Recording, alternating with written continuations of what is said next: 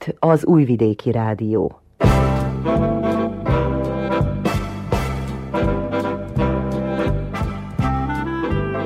Mozaik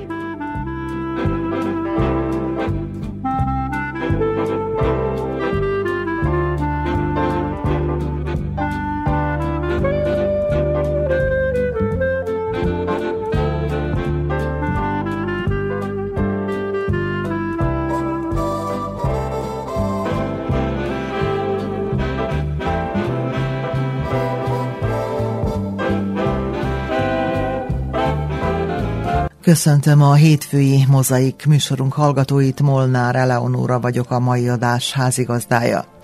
Első óránkban ma először Múzsjára megyünk egy friss nyugdíjashoz, aki fél éve vonult nyugállományba. A kezdeti tétlenség után most sikerült átszervezni az életét, kitöltenie tudatosan, tartalommal, és élvezni a szabadidőt. Kószó Rozália lesz a beszélgetőtársunk, akit Kónya Kovács Otília kérdezett. Azt követően a kisegyesi Szilágyi Leóna nyugdíjas kereskedő beszél a munkás éveiről és az azt követő tevékenységéről, terveiről Brezovski Andreának.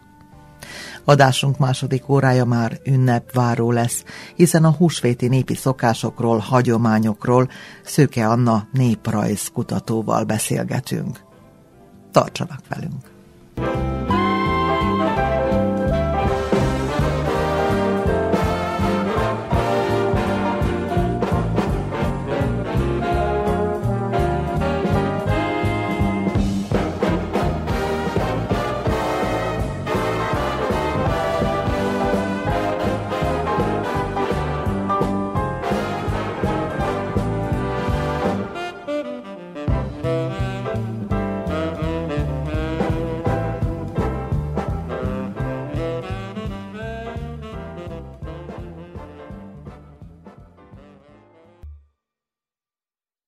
Régen, amikor már 50-55 évesen nyugdíjba vonulhattak a dolgozók, több olyan személlyel találkoztunk, akik továbbra is munkában maradtak, a régi helyen vagy máshol kerestek maguknak fizetett tevékenységet, mert nem tudták magukat másképp feltalálni.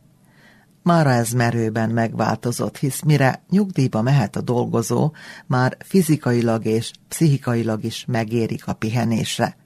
Ha mégis munkát keres, azt legtöbbször kényszerből teszi, mert nem tud kijönni a nyugdíjából.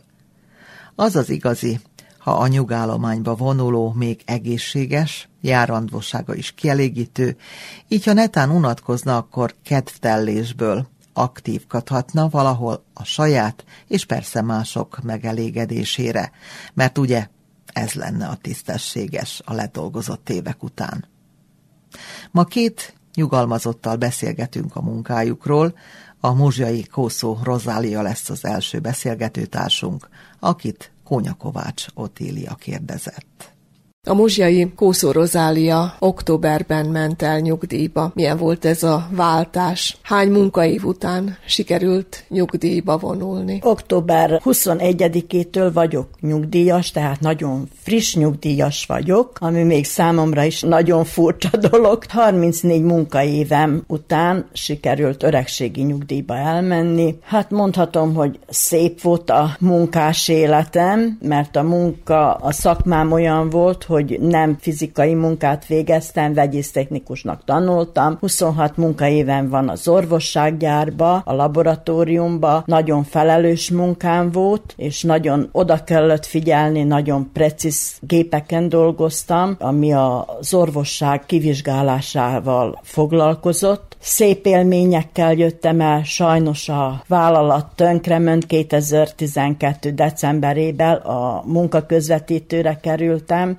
utána 13 februárjában pedig nyílt pályázat, hogy az Almex valójában a volt keményítőgyár, az IPOK, azt átvette egy privát személy, és az beindította a termelést. Ottan dolgoztam nyolc és fél évet, mondhatom, hogy nagyon kemény munka volt az orvossággyári munka után, ha bár itt is laboratóriumban dolgoztam, gépeken, de a vállalata maga a termelés piszkos, folyamatos, és akkor hát dolgoztam, mint technikus is a laboratóriumban, vizsgáltam ki az anyagokat, a termékeket, akkor le kellett menni az üzembe és összeszedni a mintákat, a sok lépcsőzés, nevettek a kolléganők, mikor mondtam, hogy 464 lépcsőt én átsétálok a 8 óra hossza alatt, és akkor hát megszámoltam, mondom, megszámoltam, mely nekem most már az utóbbi időben olyan nehezemre esett a lépcsőzés, mert ugye öreg vállalat, rozsdás lépcsők, fogni kellett, amiben vittem a mintákat, fogóckodnom kellett, hogy nehogy megcsúszak, leessek, nem mindegy. De a munkámat becsületesen ott is elvégeztem, szerettek, én is szerettem a kolléganőjeimet, igaz, én voltam a legidősebb köztük, de hallgattak rám, meg sok munkát, beosztást, ahogy mondjam, a szervezést, azt sokan átvették tőlem, mert én a munkaidőt be tudtam úgy osztani, hogy a munkát is elvégezzem, meg még legyen egy 10-15 percben, mint minden óra hosszába, szedtük az új mintákat, és akkor csináltuk az eredményeket, vezettük be a naplóba, úgyhogy nem sok idő volt, valamelyik kolléganő nem bírta utolérni magát, mert ugye volt, aki cigizett, vagy pedig hosszabb pauzát csinált, és akkor annak gyorsabban kellett csinálni, annak nem volt ideje. És akkor a kolléganő, különösen akivel én dolgoztam, fiatal kolléganő, akkor került egy elment nyugdíjba, és akkor eljött, és akkor én tanítottam be. Úgyhogy átvette az én módomat, hogy hogy kell dolgozni. Úgyhogy még máma is hálás, hogy hát felszokott hívni, hogy jaj, szuper, ő is ugyanígy adta át a mostani kolléganőinek. Úgyhogy a munkaidő az négy váltásra dolgoztam, tehát két naponként, két nap délelőtt, két nap délután, két nap éjjel, és mikor kijöttem az éjjeliből aznap, és másnap voltam szabad. Tehát valójában egy és fél napot, ami volt szabad. De takarítónőnek is kellett, hogy legyek, mert nem volt, aki menjen a mintákat összeszönni, és nem volt a váltás végén át kellett adni a laboratóriumot, mindent elmosva, mindent tisztán, föltakarítva, fölmosva, hogy maximálisan ki voltunk használva. Na de jó van. Fizetéssel nem lehet lehetett dicseködni, mert privátnál nem nagy fizetés volt, na de annyival volt nagyon jó, hogy minden elsein a fizetés pontosan meg volt. Első, második attól függ, hogy milyen napra esett, az becsületesen kifizetett bennünket a túlórákat is, meg még így március 8-ára szoktunk kapni, és új év előtt egy ilyen kis nem tárgyás fizetést, de ilyen kis csasztizást, hogy így mondjam.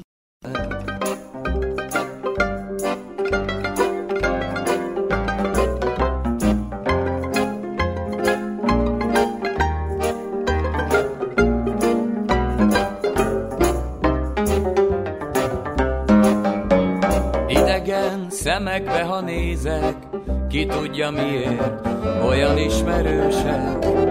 Induló vonatok és könnyek, csókok, csöndek, csak én maradok végleg, egy kölyök szemében látom, aranyszínű gyermekkori álmom, kiégett neoncső, hadd napozzak fényedni.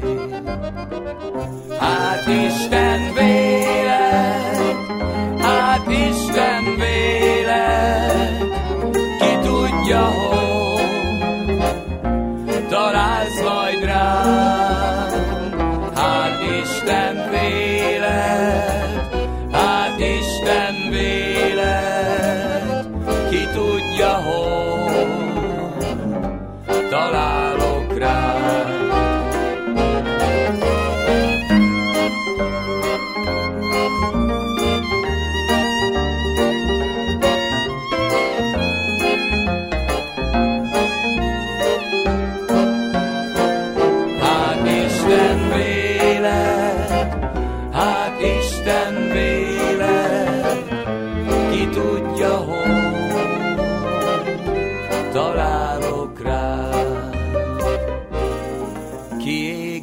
Neoncső, hadd napozzak fényednél.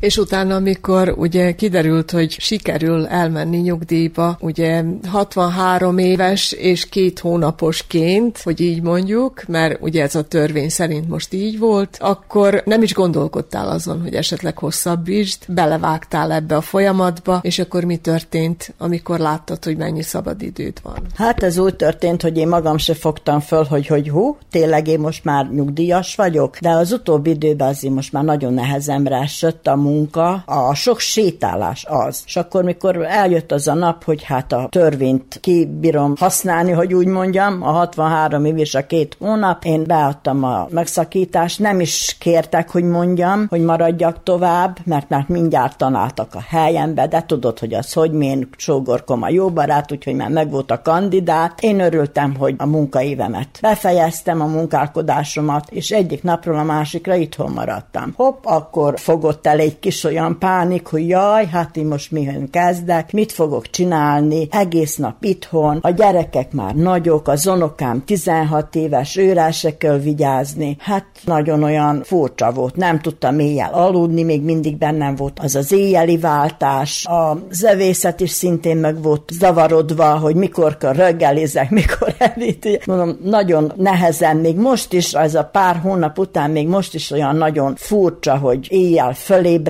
alszok egy-két óra hosszát. Úgyhogy nem tudom, hogy majd mikor fogok visszaállni azba a régi szokásba, hogy na most már tényleg nyugdíjas vagyok. Még mindig bennem van az, mert mindig sietném kellett reggel, jaj, kelljek megfőzni, hogy ebédre délután még dolgozni, időbe odaérjek, átvegyem a váltást. Mindig rohantam, és még mindig bennem van az a gyorsaság, mert a családtagok is már rám szólnak, hogy hova sietsz. Már nyolc órakor rakod oda az ebédet. Hát nem kell olyan korán, majd később is. És azért is kezdtem el így hobbiból kézi munkázni. Milyen kézi munkákkal foglalatoskodsz? Gondolom a kézi munkázás az a gyermekkorból számítódik? Tehát mindig is foglalkoztál ilyesmikkel? Igen, az még a gyerekkorom óta. Mindig valamit barkácsoltam, ugye akkor nem volt internet, meg telefon, okos telefon, hanem a gyerekek, szomszédlányok összejártunk, babáztunk, és akkor ottan anyukám varónő volt, mindig volt ilyen ruhadarabkák, és akkor megtanított bennünket, hogy szabni, milyen őtésekkel varjunk, hogy kell fércőni, köröztőtés, és akkor én azóta ugye mindig folytattam valamivel, megtanultam kötni, horgolni, goblent vartam, hímeztem Panama vászonra, mindig volt valami, amit csináltam. Na most, hogy itthon maradtam, most ugye ez most még több időm van, úgyhogy még jobban kihasználom az ilyen dolgokra. Tehát főleg az ilyen alkalmi ünnepekre, ugye? Most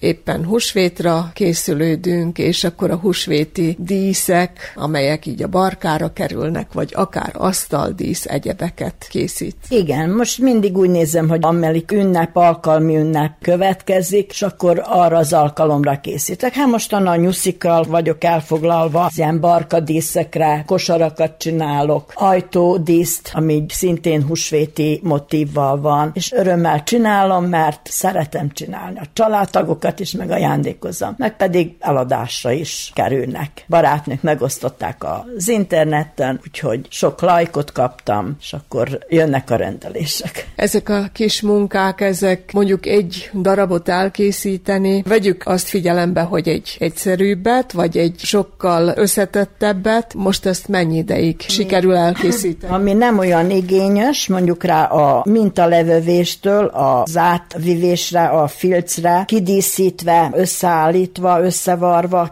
kitömve, az hát minimum egy óra hossza, de ha kicsit komplikáltabb, akkor még két óra hossza is rámegy, de ez csak egy, egy ilyen mintára. Úgyhogy van vele dolog, de aki szereti csinálni a munkát, azt nem számítsuk bele, örömmel csinálom. Mikor tudsz a legjobban alkotni? Délelőtt, délután, este? Hát legtöbbet este meg éjjel. Van, hogy egy-két óra, húj, akkor kapok kézbe, hogy júj, hát már le kellene feküdni, még mindig a kis sarkomat ott ülök, és akkor csinálgatom. Vagy pedig ideje a sarokba fölülök, bekapcsolom az éjjeli lámpát, az levilágít, és olyan szépen dolgozgatok. Akkor úgy lenyugszok. Meg olyankor szoktam, amikor olyan feszült helyzet van, valami nem úgy stimmel, ahogy kellene, akkor mindent ott hagyok, és akkor leülök, kézi munkázok, és akkor ez olyan jó lenyugtat.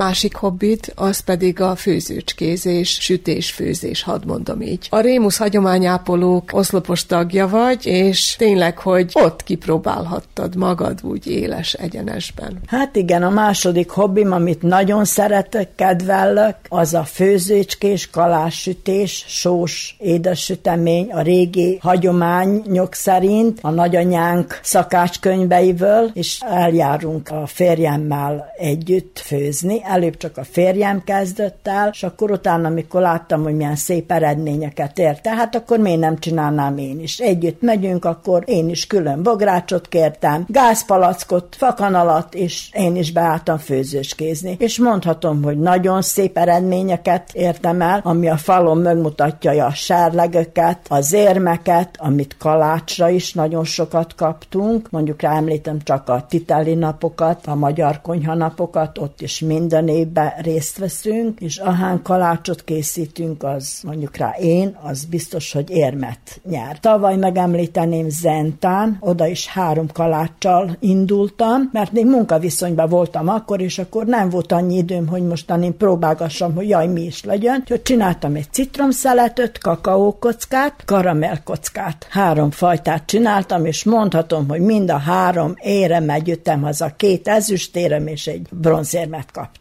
A főzőcskézzel pedig szintén. Tavaly Szemmihályon a hagyományos disznótori paprikás második helyet nyertem, úgyhogy de van külföldi elismerésem is, Ótelekön, Romániába, ott is egy nagy serreggel tértem haza, ugyanúgy a férjem is nincs itten. Majdnem, hogy úgy van, hogy osszuk a helyeket, és akkor mindig kezdem, te mit tettél bele, nem mondom meg. Mikor főzünk egymás mellett, akkor nem árulja el a titkát, úgyhogy hát szeretem csinálni. Ez egy fajta szórakozás, nem egyben az zéremény, meg az ajándék, mert most már ajándék nincs is annyira, hanem az érmek, meg a sárlegök, de nagyon jó érzés, mikor megdicsérik a főttedet, mondjuk rá tavaly Kanizsán voltunk, a 83 versenyző közül második helyet nyertünk, ami egy nagyon szép, és még vaddisznó paprikást kellett, hogy főzünk, ami mondjuk rá itt nálunk a mi környezetünkben, meg ugye a disznót pörkölt, a birka paprikás, ezekkel szoktunk, vagy pedig halászlév főző versenyeken szoktunk részt venni. Ez tényleg, hogy szép eredmény. Gondolom, hogyha valaki szereti az ilyesmit, akkor nyilván, hogy úgy bele is adja magát maximálisan, és akkor tényleg a tehetsége kibontakozhat, mondhatjuk így. Mondjuk a Rémuszban arra is összpontosítottuk, hogy a fiataloknak ugye átadni ezt a tudományt, hát kisebb-nagyobb sikerrel, ugye, hogy ez hát, is egy cél. Mondhatom, hogy nagyon keservesen én az ilyen beiktatás gyerekfőzőversenyt is szervezünk, hogy hát ha ahhoz által megszerettessük a gyerekökkel, a fiatalokkal. Hát van részvevő, elég sokan jelentkeznek, de bizony senki se hajlandó tovább folytatni. Eljönnek arra a rendezvényre, megcsinálják a dolgokat becsületesen, meg jó szakácsok is vannak a fiatalok közt, csak sajnos, hogy nem akarnak, nem tudom, hogy mi ennek az oka, hogy nem akarnak csatlakozni. Habár a rémusz tagok most már ott vannak, hogy a 65 évben fölül majdnem az átlag, kevés fiatal van, fiatalabb, hát hogy majd ezt a hagyományt ki fogja tovább vinni, őrizni, ápolni, hát majd meglássuk. Most nálatok itt hány érem van, hány serleg, tudod-e, hogy Tudom, hány van? Nem régen számoltam meg, 13 serlegünk van, és 33 érmünk, ami az enyém, a kalácsa a főzésre, a férjem pedig a szintén a főzésre és a pálinka értékelésre. Ebbe kiemelném, hogy négy évvel ezelőtt Zrenyaninba a Zajvár Fesztiválon Ajvár királyoknak lettünk a csapatunk kinevezve, ami azt jelentette, hogy képviseltük a városunkat Szokobanyán, ami egy ilyen szerbiai szinten minden oldalról, Szerbiából, Vajdaságból, Bánátból jöttek a legjobb ajvárkészítők. Na ottan hát ugye nem sikerült érmet szerezni, mert tudjuk, hogy ez nem a mi reszorunkban van az ajvárkészítés, ha bár csináljuk itt is, de ugye arra lent Szerbiában ottan. Nagyon mesterek, igen, nagyon mesterek.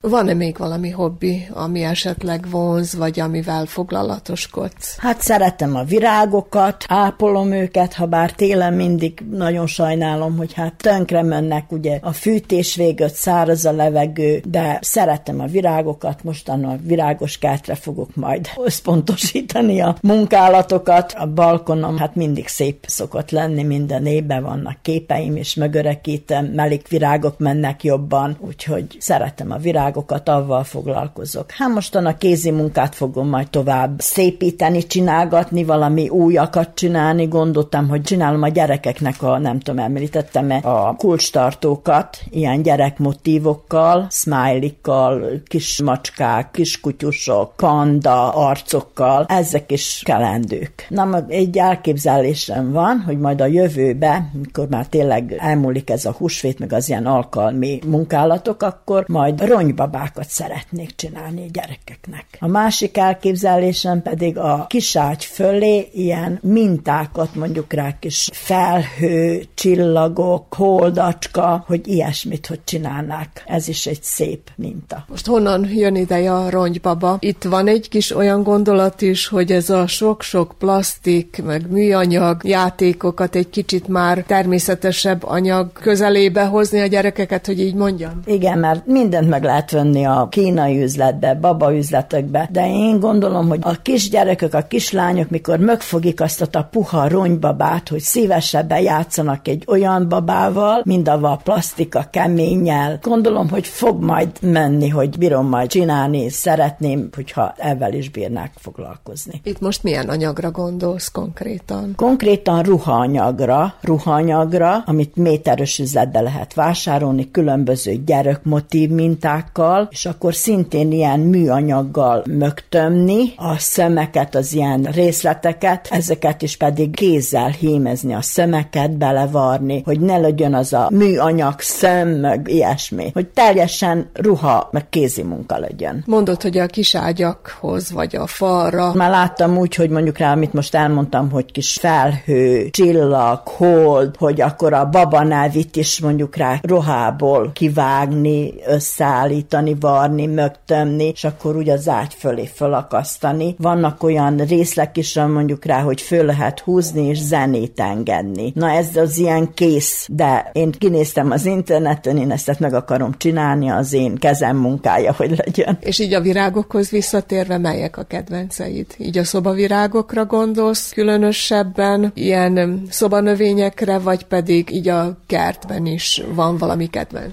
Kertben nagyon szeretem tarka tarka, hogy legyen, hogy menni tarkább legyen a kerten. Tavaly csináltunk egy nagyon szép kört, két emeletes lett, hogy úgy mondjam, és akkor különböző színű virágokat raktam bele. Hát az olyan gyönyörű volt, mikor mind elkezdett virágzani, az a tarkasság. Mentek el itt a nénik, a fiatalok az utcán, és mind megálltak, nézték, hogy jaj, de szép, jaj, de szép. Tehát akkor konkrét virág nincs, ami a kedvenc? Nincs, nincs konkrét virág, én szeretem a muskádikat, szeretem a margaret, tehát a jácintot, tulipánt alig várom most már, hogy kezd majd virágozni a tulipánt. Minden virágot szeretek. A szobanövényeket is szeretettel ápolom, gondozom őket, locsolom, ha bár mostan mondom, a téli ez mindig így mögritkíti, de akkor igyekszök utána pótolni. Úgyhogy szeretem a szobát is, hogy szép legyen, meg a kintit is. Hát most majd a tavasz az megindíti a virágokat, most árvácskán van pillanatnyilag kint, a tulipántokat várom, hogy kinyíljanak. Kószó Rozáliával Kónya Kovács Otília beszélgetett.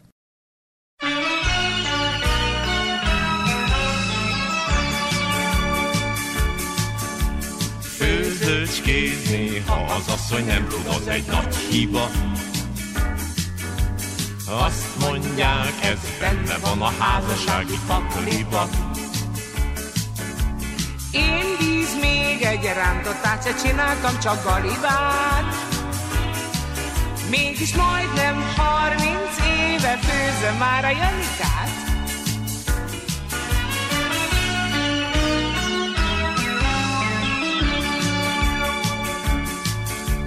Rólunk még nem mondták azt, hogy házasságunk bajba van. Horgász népek vagyunk, nálunk szálka csak a halba van. Mindig könnyű feledni a mindennapi gondokat, amíg együtt kiló számra foghatjuk a pontyokat. Ha a konyhát én veszem át, nálunk csak a viszály nő. Lábasok és tepsik között, sose leszel királynő. Főzőcskézni, ha az asszony nem tud, az egy nagy hiba. Ha ezt sejtem, de hogy adom fejemet a lancira. Engem sajnálj, amit főzöl, én vagyok, ki megeszem. Te még azt is elvárnád, hogy azt mondjam, hogy szeretem. Ha a konyhát én veszem át, nálunk csak a viszály nő. Lábasok és tepsik között, sose leszel királynő. Főzőcskézni, ha az asszony nem tud, az egy nagy hiba. Rá kell jönnöd, mibe kell mibe egy kis paprika. Nem mindegy, hogy bableves vagy nyakleves, de az a fő. Mi már harminc éve főzzük egymást, és ez nagy idő. Mi már harminc éve főzzük egymást, és ez nagy idő.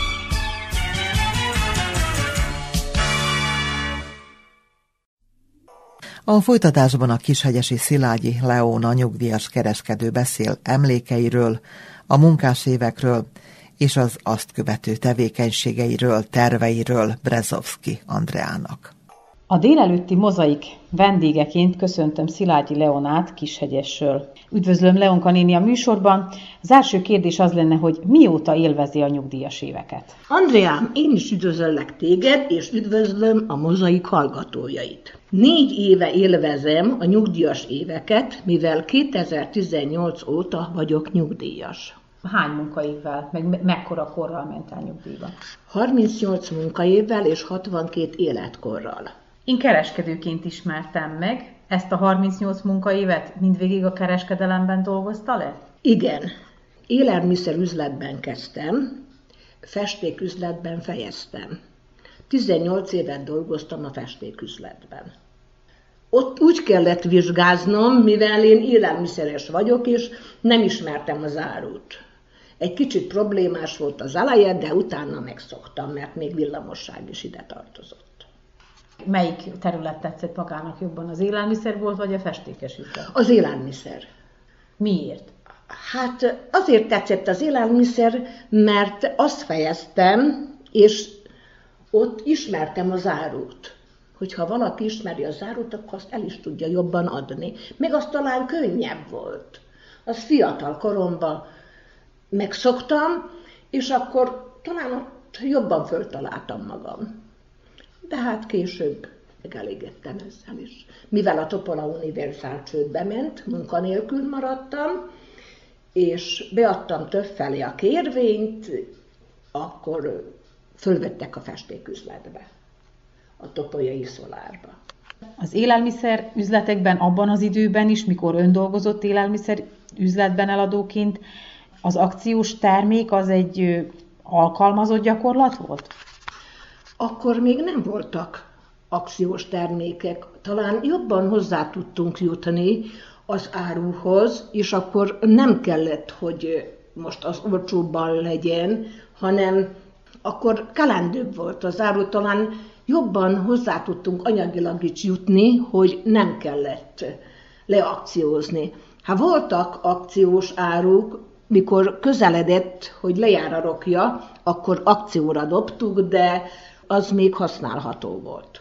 Volt-e valami, valamilyen ö, séma az élelmiszerüzletben, hogy hogy kell a polcokon az árut elrendezni? Ott van-e valami trükk esetleg, hogy a vevő mit lásson meg leg, legelőször? Az mind a kereskedőtől függött, hogy mennyire volt rátermett, hogy például a gyerekeknek az édességet azt raktuk előre, hogy ugye az mindjárt meglássa, és az kell neki, meg hát Például voltak olyan trükkök is, aminek már láttuk, hogy most már lejár pár napon keresztül a roki, azt ugye mindig előre raktuk, de azért arra vigyáztunk, hogy aminek lejárt a rokja, azt már ne adjuk el, vagy pedig féláron adtuk el, attól eltekintve, hogy az még használható volt. Milyen egy igazi, jó, mondhatnám úgy is, hogy vérbeli kereskedő? Milyen tulajdonságokkal kell maga szerint, hogy rendelkezzen? Hát egy jó kereskedőnek kedvesnek kell lennie, meghallgatni a vevők kérését, segíteni a vásárlásban, és mindig igazat adni neki. Szilágyi Leonka néni milyen kereskedő volt? Hogy jellemezni saját magát? Hát én úgy érzem, hogy én mindig igazat adtam a vevőnek, és segítettem neki mindig a vásárlásban, és meghallgattam esetleg, hogyha valami meséni valója volt. Tanácsot is adott? Hát igen, tanácsot is adtam neki, mert elvárták tőlem. Hogyan kell a portékát sikeresen eladni a vevőnek? Van-e valamilyen trükkök esetleg az eladó kezében? Biztosan, biztos vagyok benne, hogy van. Igen, van. Tehát sikeresen úgy tudunk egy terméket eladni, ha mi magunk is hisszük, hogy amit kínálunk, az jó minőségű, Napra készen vagyunk az üzlet árukészletével, hogy az adott áruból a legmegfelelőbbet kínáljuk a vevőnek. Leonka néni, elégedette azzal a juttatással, amit a ledolgozott munkaívei után kiérdemel? Egyáltalán nem vagyok megelégedve, mert a mi szakmánk az egy nagyon nehéz szakma, mert vevőkkel dolgozni, akiknek mindig igazat kell adni, akikhöz mindig jó szóval kell hozzászólni, nagyon kimerítő fizikailag is, meg pszichikailag is, és hát reméltem, mikor elmentem a nyugdíjba 38 munkaévvel, hogy talán egy kicsit erősebb lesz a nyugdíjam, de hát nem jókor voltam. Jó helyen nem jó. Hogy van ez, Andrea?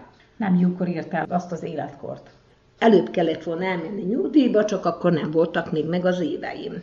Így most egy kicsit be kell osztanom a nyugdíjat, de hát már nem akarok elmenni dolgozni, hívtak, hogy menjek el négy óra hosszára, de úgy gondolom, hogy aki nem dolgozott emberekkel ennyi évet, az még dolgozzon, de aki dolgozott, az pihenjen egy kicsit. Van-e esetleg valami kiegészítő keresete, amivel tudja pótolni a nyugdíját?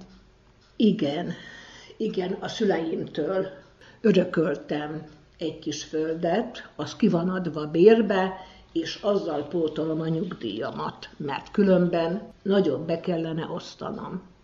Hogyan telnek a mindennapjai? Nehéz volt-e megszokni a nyugdíjas éveket? Nem gondolom, hogyha nem akart újból elmenni fél munkaidőbe dolgozni.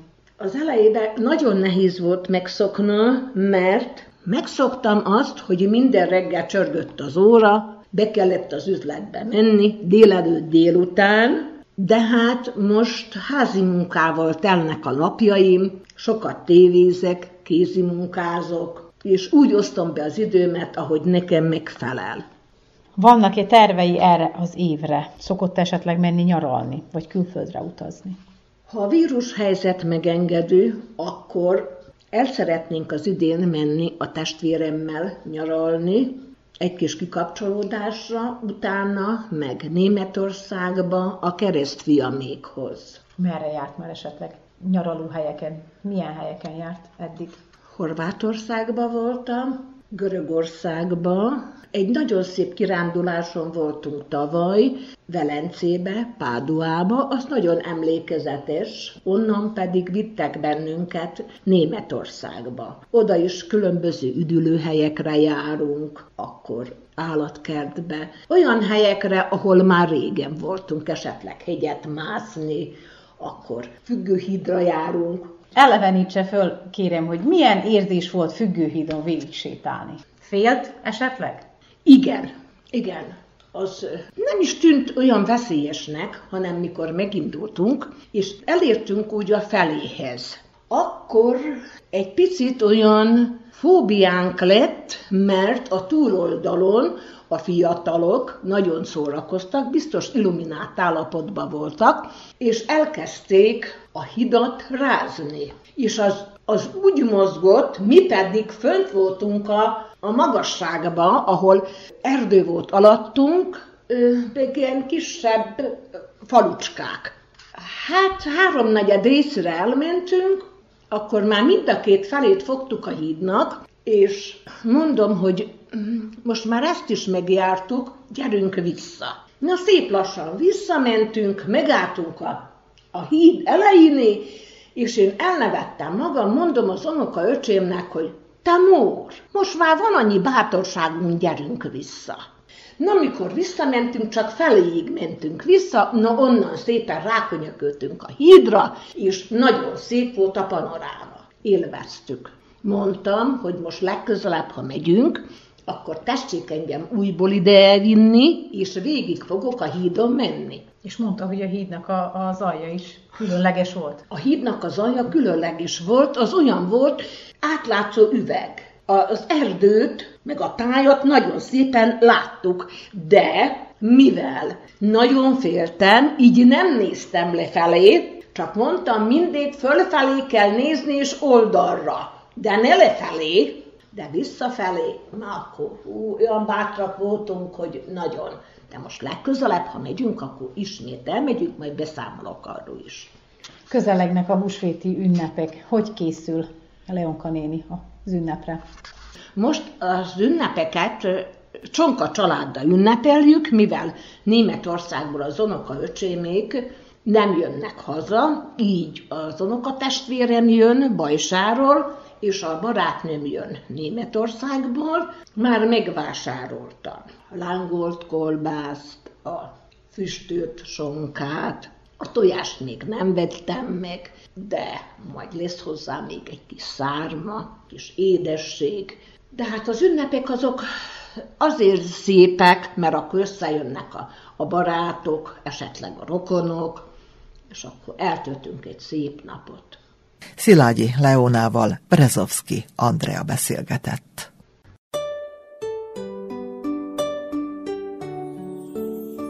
Hallom, létezett egykor egy titkos akkord, amit Dávid játszott, az Úr kedvére volt, s bár téged nem érdekel, elmondom újra.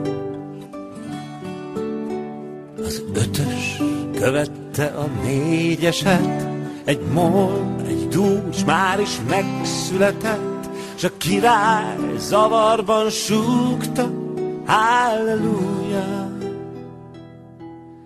Halleluja, Halleluja, Halleluja,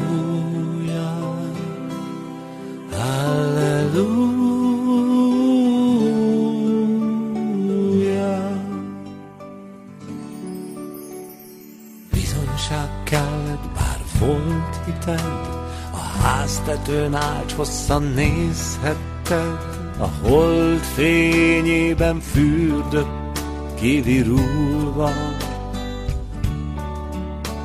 és megbűvölt, és levágta hajad, leláncolt, széttörte trónodat, és ajkadról ellopta végleg, Halleluja, Halleluja,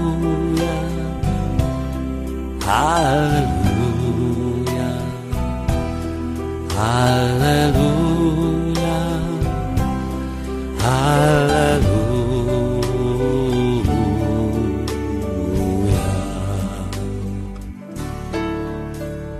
Tudod, jártam már régen, ismerem szobádnak sarkait, magányon átvitt hozzád a véletlen útja.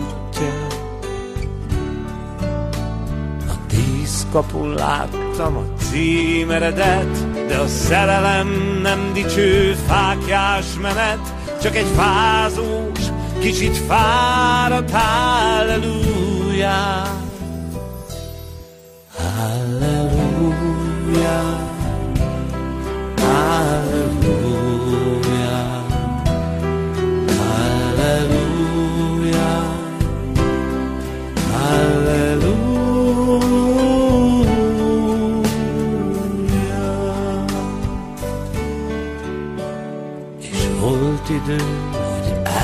Tudtad még, hogy ott belül mi a helyzet kép, de ezt már sose hallom tőled újra.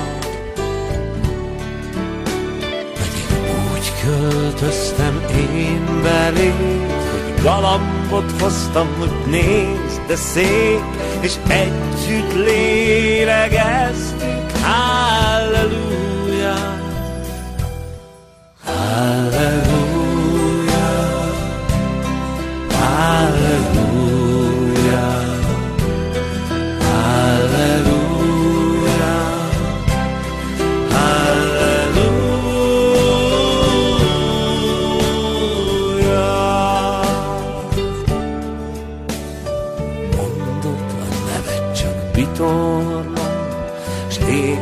A nevet csak nem is tudom, de mit számít neked, ha bárki tudja?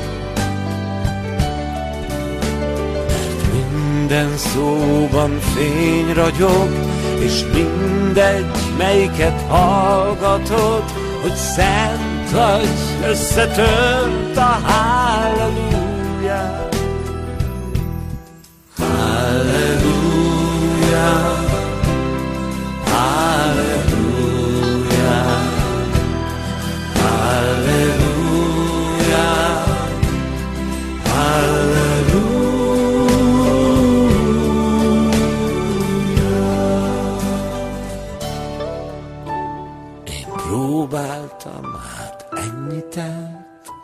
Kezemre érintés nem felelt, igazat mondok, bármi szép vagy csúnya. S bár meg lehet, hogy tévedek, a dal ura elé úgy léphetek, hogy nyelvemen nincsen más, mint halleluja.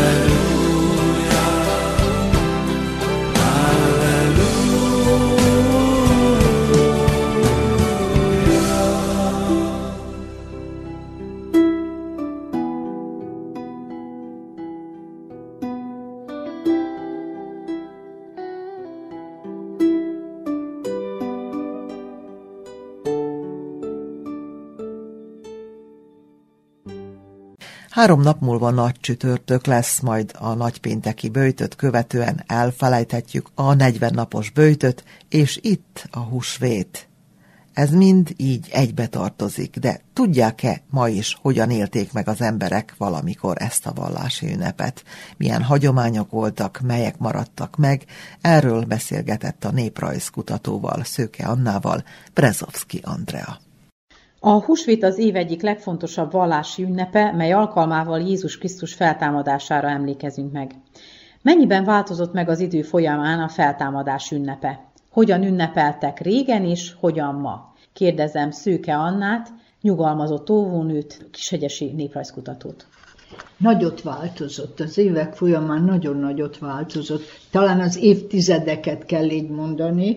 1950 után jön be egy nagy változás, de ha konkrétabban szeretném, akkor azt mondom, hogy 60, 1960 után, akkor beért már a szocializmusnak az alapjai. Tehát az, hogy a kommunizmus, illetve az a világ mit várt el a lakosoktól, és kezdett fölnőni az a generáció, amelyik már kevésbé jár templomba, kevésbé volt egyházköteles, és hát régen a tudatban nem csak a maga a húsvét volt, hanem a bőjt, a Krisztus keresztre feszítése, a stációjárás, a kálváriára felmenés. Nagyon nagyot változott a hogy is mondjam, itt, itt egyúttal arról is beszélhetnék, hogy hogyan vártuk a húsvétot, az beletartozott abban 40 napba. Lélekbe vártuk, lelkükbe várták az emberek, és az, az napi szinten jelen volt.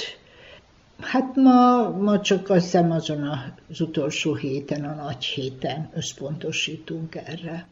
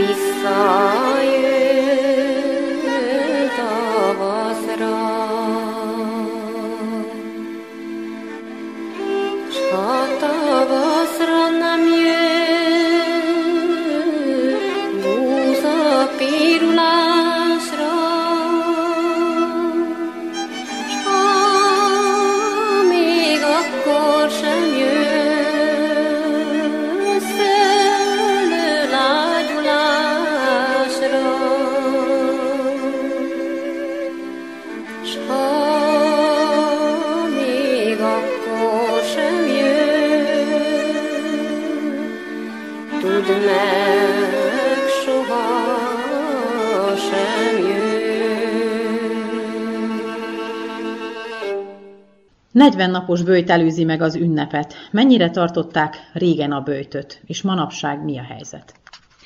A 40 napos bőjt nem jelentett, hogy is fejezzem ki magam, akkora gondot, mint esetleg, ha ma azt mondjuk, hogy jaj, 40 napot bőjtölni kell. Egyik oka az volt, hogy hát az étkezési kultúra is egészen más volt, Többféle zöldségfélét tettünk, többféle főzelékfélét tettünk. A hús kevésbé volt napi renden, illetve hát napi szokás, mint ma. Ma már, hát nem tudom, hogy van-e olyan ház, ahol valami formában, ha más nem, akkor szalámi, meg kolbász, meg egyéb a hideg érintve. Ez nem volt régen, és tudtuk, hogy, vagy tudták az emberek, hogy bőjt van, de a lehetőségeik is olyanok voltak, hogy betartották a, a 40 napos bőjtöt, ami nagyon szép volt, hogy mellőzték az alkoholfogyasztást, azt szoktuk mondani, hogy némi önmegtartóztatással is jár a bőjt, Állítólag, persze ezt nem tudhatjuk, hogy a nemi életet, illetve a házassági kötelességeket is mellőzték, de erről soha nincs bizonyítva, bizonylatunk, csupán az egyház gyakorolta, illetve mondta ezt mindig a prédikációkban, meg tudatosította, hogy mivel jár a nagybőjt.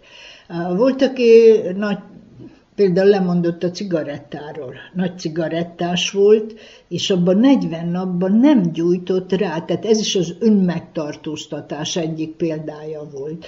Azt, azt konkrétan tudom, hogy az alkoholt nagyon-nagyon mellőzték, és a bőthöz hozzátartozott ehhez a 40 naposhoz az is, hogy nem csak lélekben, hanem fizikailag is készültek. Ez azt jelentette, hogy a ház körüli rendet, a, a lakáson belüli rendet, ez, ez mind beletartozott a bőjtbe, hogy majdnem úgy emlékszünk vissza, hogy azért volt bőjt, ugye nem csak hogy a Jézus Krisztusra emlékezzünk, hanem tettekben is jobban kifejezzük ezt a várakozást, hát nem is várakozás, mert az a karácsonyra érvényes, hogy átéljük Jézus Krisztus szenvedését.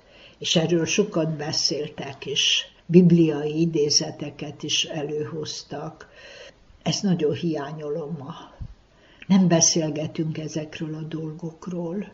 Ez benne volt, nagyon benne volt a 40 napos bőjtbe, hogy beszélgettek a közelgő keresztre feszítésről, nem beszélve az utolsó vacsorát, hogy mennyire tudtuk, hogy a, mi történt ott.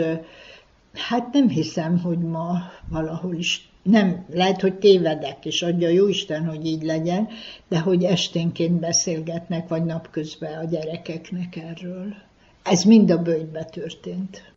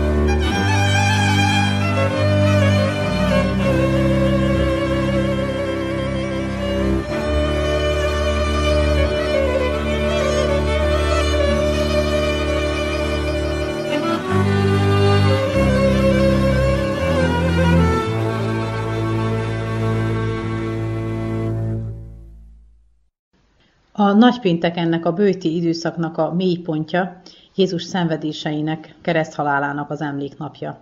Milyen szokások fűződnek ehhez a naphoz, illetve az azt követő nagy szombathoz? Hát a nagypénteket én a nagy csütörtökkel kezdeném, ugye az megelőzi, és nagy csütörtökön elnémulnak a harangok, azt szokták mondani, hogy Rómába mentek, ezt soha nem értettem, hogy miért mondták régi, hát hogy nem harangoznak, és ugye az utolsó vacsora, erről sokat beszéltek, hogy van a nagy csütörtökön az utolsó vacsora, és hát a nagy péntek elsősorban a stációjárás volt a lényege. Én katolikus szokásokról beszélek most, hogy fölmentünk a Kálváriára, és a plébános is föl ott volt, tehát az egyház képviselői is, a dalárda, hogy nevezték, a kórus, templomi kórus, és a stációknál imádkoztunk, meg énekeltek. Na most az, hogy a stációknak, stációknak kötött formája van, tehát megvolt, hogy első, második stációnál mit kell, és volt előimádkozó, előolvasó, aki ezt fölolvasta, és akkor utána közösen imádkoztunk, majd mentünk a következőhöz. Hát a temetőjárás, vagyis a temetőbe kimenni, az is hozzátartozott az életünkhöz. Ma ez is egy napra vagy két napra szorítkozik, ami az ünnepet illeti, tehát magát a nagy pénteket. Azután a templomba is szoros szertartás szerint történt minden, ugye nem, nem lehet az oltárt feldíszíteni, nincs virág a templomba ilyenkor, lila színnel borítják az oltárt, takarják le a feszületet, stb. De ennek pontos, nem jó a kifejezés, de így mondom, hogy szabályai vannak az egyházi rend szerint, a szertartás, a litur, liturgia pontosan meg van határozva, és mi ezt szájtátva követtük. A felnőttek meg tudták is, hogy, hogy nagypénteken mi történik.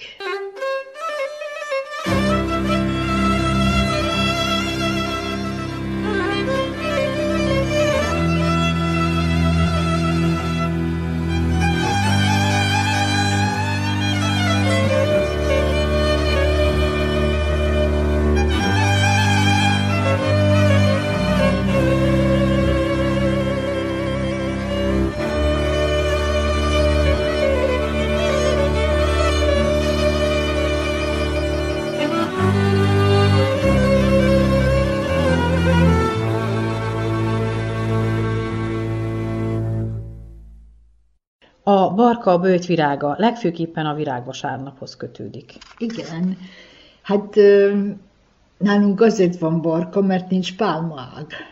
Amikor az Úr Jézus bevonul Jeruzsálembe, Szamár háton, ez is egy nagy, nagyon nagy üzenete ám az evangéliumnak, és pálmaágakkal üdvözlik majd hát ugye a pálmák hasonló, hogy legyezik, de azzal integetnek. Na most ez természetes, hogy a földrajzi helyzet saját képére alakítja ezeket a történéseket, és mivel mi felénk nincs pálmajág, akkor ugye barkával, a barka szentelés, és de szép dolog. És mondok itt egy másik dolgot, hogy Ugye nagybőjtkor, nagy pénteken patogatott kukoricát eszünk.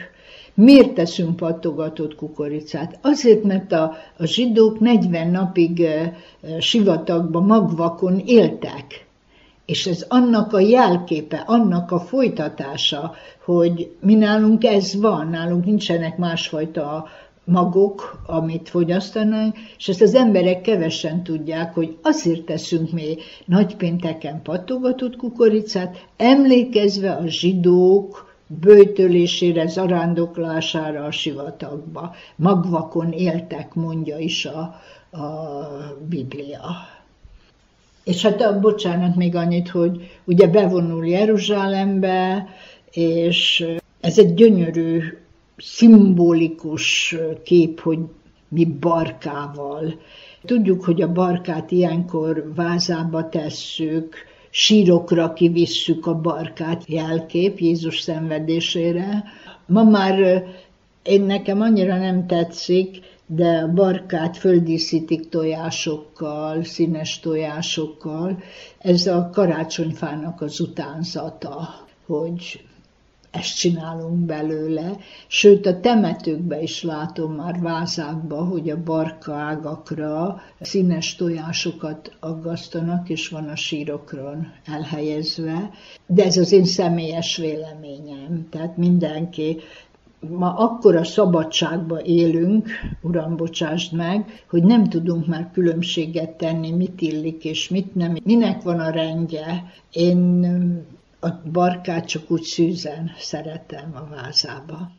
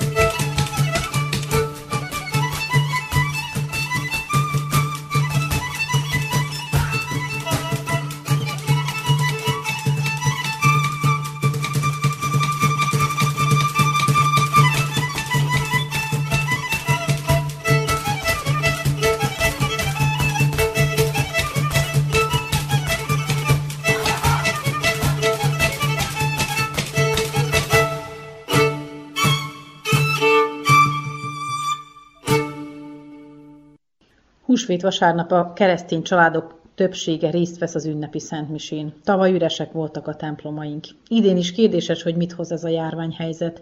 Ön tudja-e már, hogy hogyan fog ünnepelni? Igen, nagyon szigorúan megszabtam saját magamnak. El fogok utazni Budapestre most a családomhoz. Valamikor, hát ez a valamikor három évvel ezelőtt volt, amikor húsvétra mindenki hazajött, mert a, valahogy a szülőföldnek a varázsa az az ünnepeken teljesedik ki. Nagyon szép emlékeim vannak, még élt is a férjem, akkor nem egyszer voltunk esetleg mi fönn Budapesten, és a bazilikába mentünk el Szentmisére. Én ott láttam először ételszentelést Budapesten, a bazilikába. Az elmondások alapján az adatközlőimtől tudom, hogy nagyon-nagyon régen Kishegyesen is volt eh, ételszentelés, aztán most, hogy ezt megint annak tudjuk be, hogy a, jött a kommunista világrend, nem tudom, de, de ez egy nagyon szép, szinte költemények voltak azok a kosarak, hímzettek, slingeltek a szalvéták, gyönyörű volt, és ez nálunk már nem fog visszaállni. El, nagyon eltávolodott a vajdasági népettől, de Budapesten ezt látta.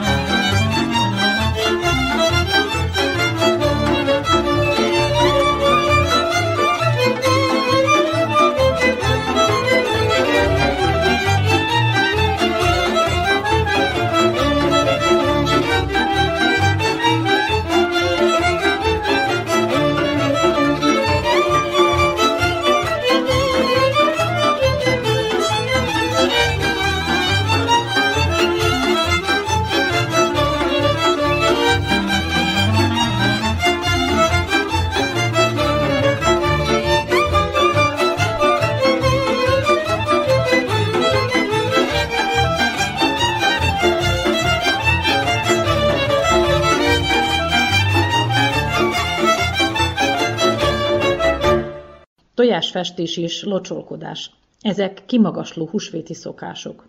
Régen természetes anyagokkal történt a tojásfestés, ma már kaphatóak mesterséges színezékek. Milyen technikákat használtak régen, és hogyan díszítenek ma?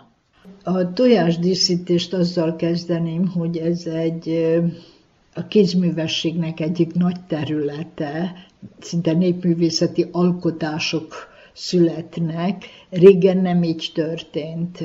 Ha itt maradok délvidéken gondolatban, és akár itt a szülőföldem, szülőfalumba berselés volt, ez azt jelentette, hogy természetes anyagoknak a leáztatták a természetes anyagokat, akár csalán, de legjobban a vörös hagymát, mert nagyon jó színezett, és annak megfőzték, és annak a levébe főzték a tojást. Nagyon, nagyon szép barna színű, vöröses barna színű tojások voltak. Azután a, a berzselésnek egy másik formája, amikor kicsi kis leveleket rá helyeztek a tojásra, és harisnya, műanyag, nylon harisnya, hogy nevezzem, azzal gyönyörűen ráfogták, és akkor így tették bele a színes, vagyis a barna vöröshagyma festékbe. Nekem nagyon-nagyon tetszenek ezek, de nagyon.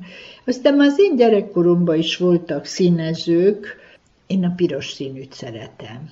Ennek többféle magyarázata van, de húsvétkor én a piros színű tojást, piros tojást szeretem. Egyesek szerint, illetve hát sok anekdóta és egyéb bibliai forrás szól arról, hogy a tojás a Jézus piros vérét szimbolizálja. Lehet, hogy így van, de azt tudni kell, hogy a tojás az a, a legősibb kortól a megtermékenyítés szimbóluma, sokat használom most ezt a szimbólumot, de a húsvét is csupa szimbólumokból tevődik össze, és honfoglalás előtti sírokban is találtak tojást, és színezett tojást is, tehát a megtermékenyítésnek a, az egyik alapsejtje a tojás, abból éled egy új, keletkezik egy új élet, és lehet, hogy, hogy éppen ez adja azt, hogy húsvétkor, lehet, hogy a pogány világból hoztuk magunkkal, és építjük át, építette át az, a vallás vagy a népek, de nagyon szép szokás, és én nálam csak piros tojások vannak az asztalon, de egy kitérek az írókázásra, a tojásokat ugye, ez főleg Erdélyből származik, ott nagy művészete van a tojásfestésnek, és itt, a, itt jön az, amit mondtam, hogy a nagy szabadság, hogy akkor a szabadságban élünk ma, a világhálón keresztül is, de 30-40 évvel ezelőtt, hát inkább 30 a, a rendszerváltás idejében jönnek át jobban a, az erdélyi és észak-magyarországi szokások. A minden téren, de a tojás festés terén, különösen is az írókázás, és ezt már tanítjuk is a gyerekekkel, és megtanítjuk, hogy kell színezni, a maga az alapjelképeket erről most nem beszélek, de megvan, hogy egy tojásnál. Aztán például van a, a drótozzák a tojást, ez felvidékről származik, de azt kell tudni, hogy ott a drótozásnak nagyon nagy hagyománya van a tótok körében, tótok vagy szlovákok, de nálunk csak tótok, és, és gyönyörűen úgy a dróttal tudták színezni. Aztán van a tojáspatkolás is, nálunk nem volt hagyománya. Tehát az asztalon zöld fűbe piros tojás számomra valami legszebb szimbóluma a húsvétnak.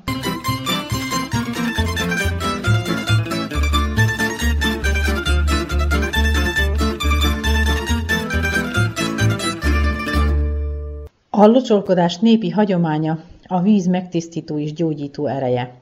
Mi történt régen húsvét hétfőn, és hogyan locsolkodnak a mai férfiak? Egyáltalán locsolkodnak-e? Igyekeznek-e a mai szülők továbbadni ezt a szép hagyományt? Jaj, ez a jaj arra szól, hogy elvesztette a locsolkodás azt az ősi eredetét, ősi küldetését, és ma már pénzért mennek locsolkodni, és ez engem nagyon elszomorít.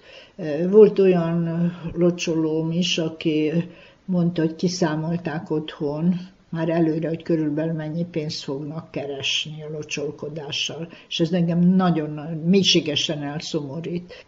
Ha jönnek locsolkodni, nagyon szívesen adok piros tojást és desszertet, sok-sok finomságot tudnék adni, de nem érik be ezzel, csak pénzre vár, várnak. Régen gyönyörű volt a víz, nem csak kölni vízzel, azt tudjuk, hogy a, a, amikor Jézust mennek keresni a sírba, és az asszonyok zsidó szokás szerint illatos kenőcsöket kölni vizeket visznek, hogy bekenjék a holttestet, és ez innen ered, hogy akkor most meg a férfiak majd vissza locsolják a, a női nemet. A víznek egyébként valóban tisztít, ugyanúgy, mint a tűznek tisztító ereje van.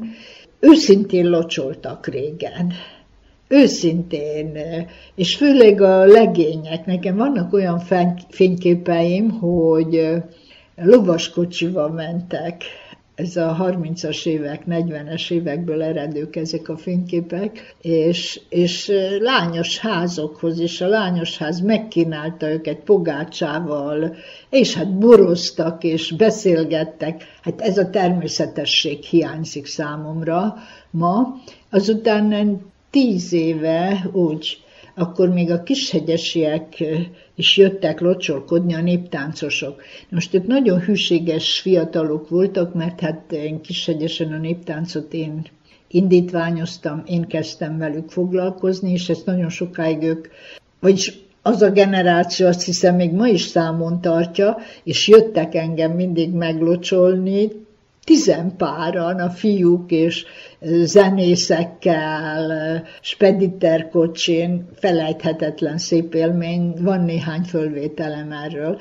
Itt is én készültem, mert azért jelezték, hogy Anna néni itthon lesz-e, mert jövünk meglocsolni. És akkor én készítettem bort, üdítőt, fölvágott kockára szelt sajtot nekik, mert hát tudjuk, hogy azért a, az alkoholfogyasztásra is vigyázni kell, és nagyon szép emlékeim vannak erről. Hát ha lehet, akkor a mai fiatalok is menjenek locsolkodni, ne pénzért.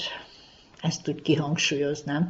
És hát a locsoló versek az én időmben nem voltak, csak ez a zöld erdőbe jártam, kékibolyát láttam, szabad elocsolni, ez volt. Ma már ez is, már a világhálón is olvasok nagyon-nagyon sokfélét, hogy hogy átköltik. De hát ez a szabadsággal jár, amelyiknek értéke van, az majd meg fog maradni. A tojást már említette, de ezen kívül a nyuszi, a bárány is a húsvét szimbólumai. Honnan erednek ezek? A, a nyuszi az kimondott a nyugati hatásra jött be.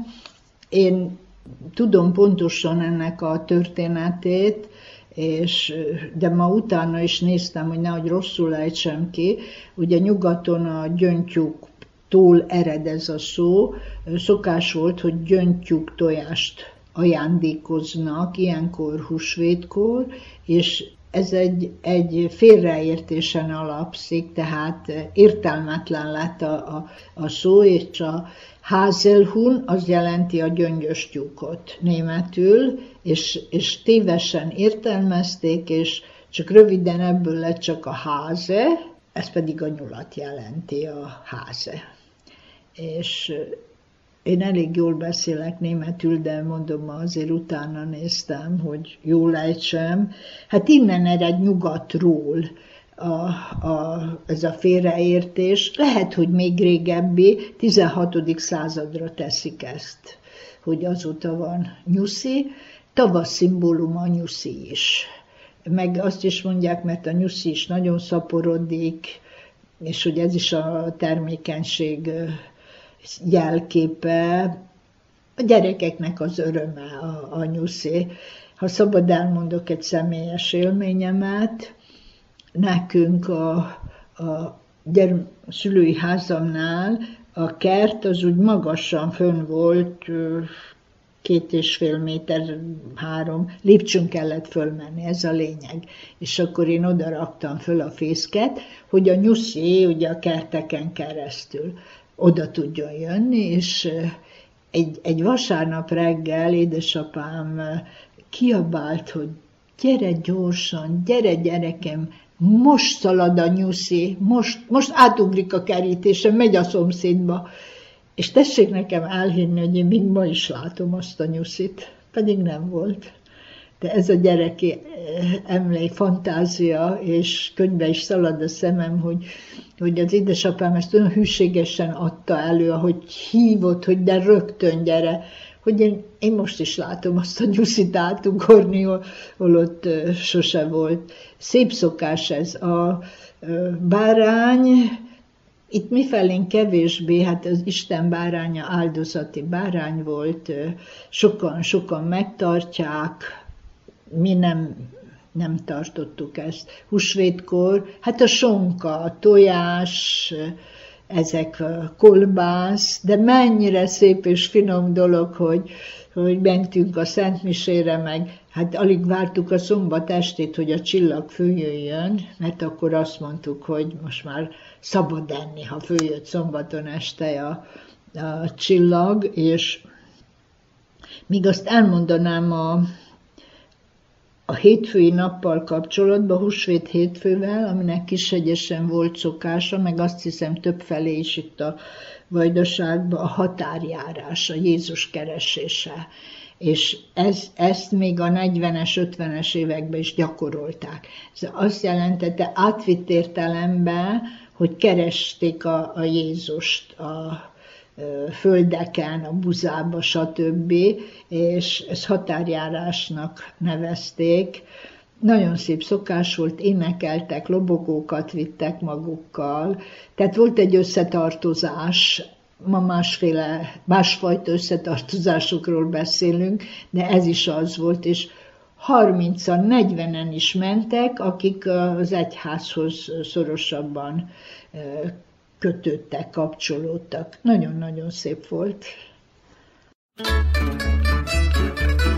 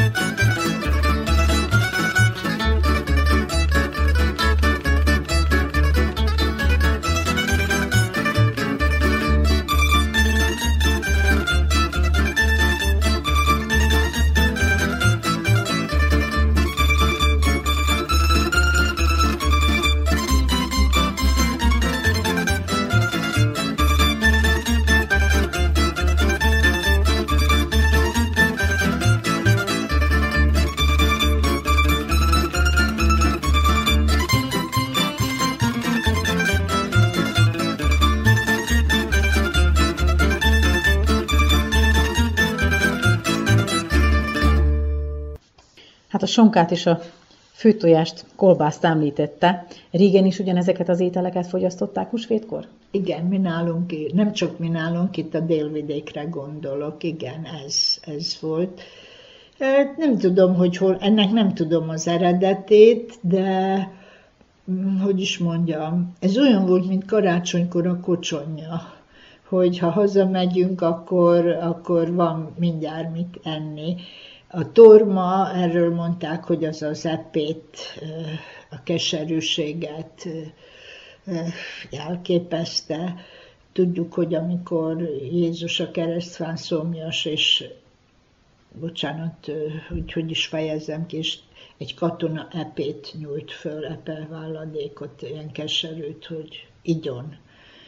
Undorító szokás, vagy emlék, emlék és ennek emlékére van az, hogy kell a kes, az erős, a torma.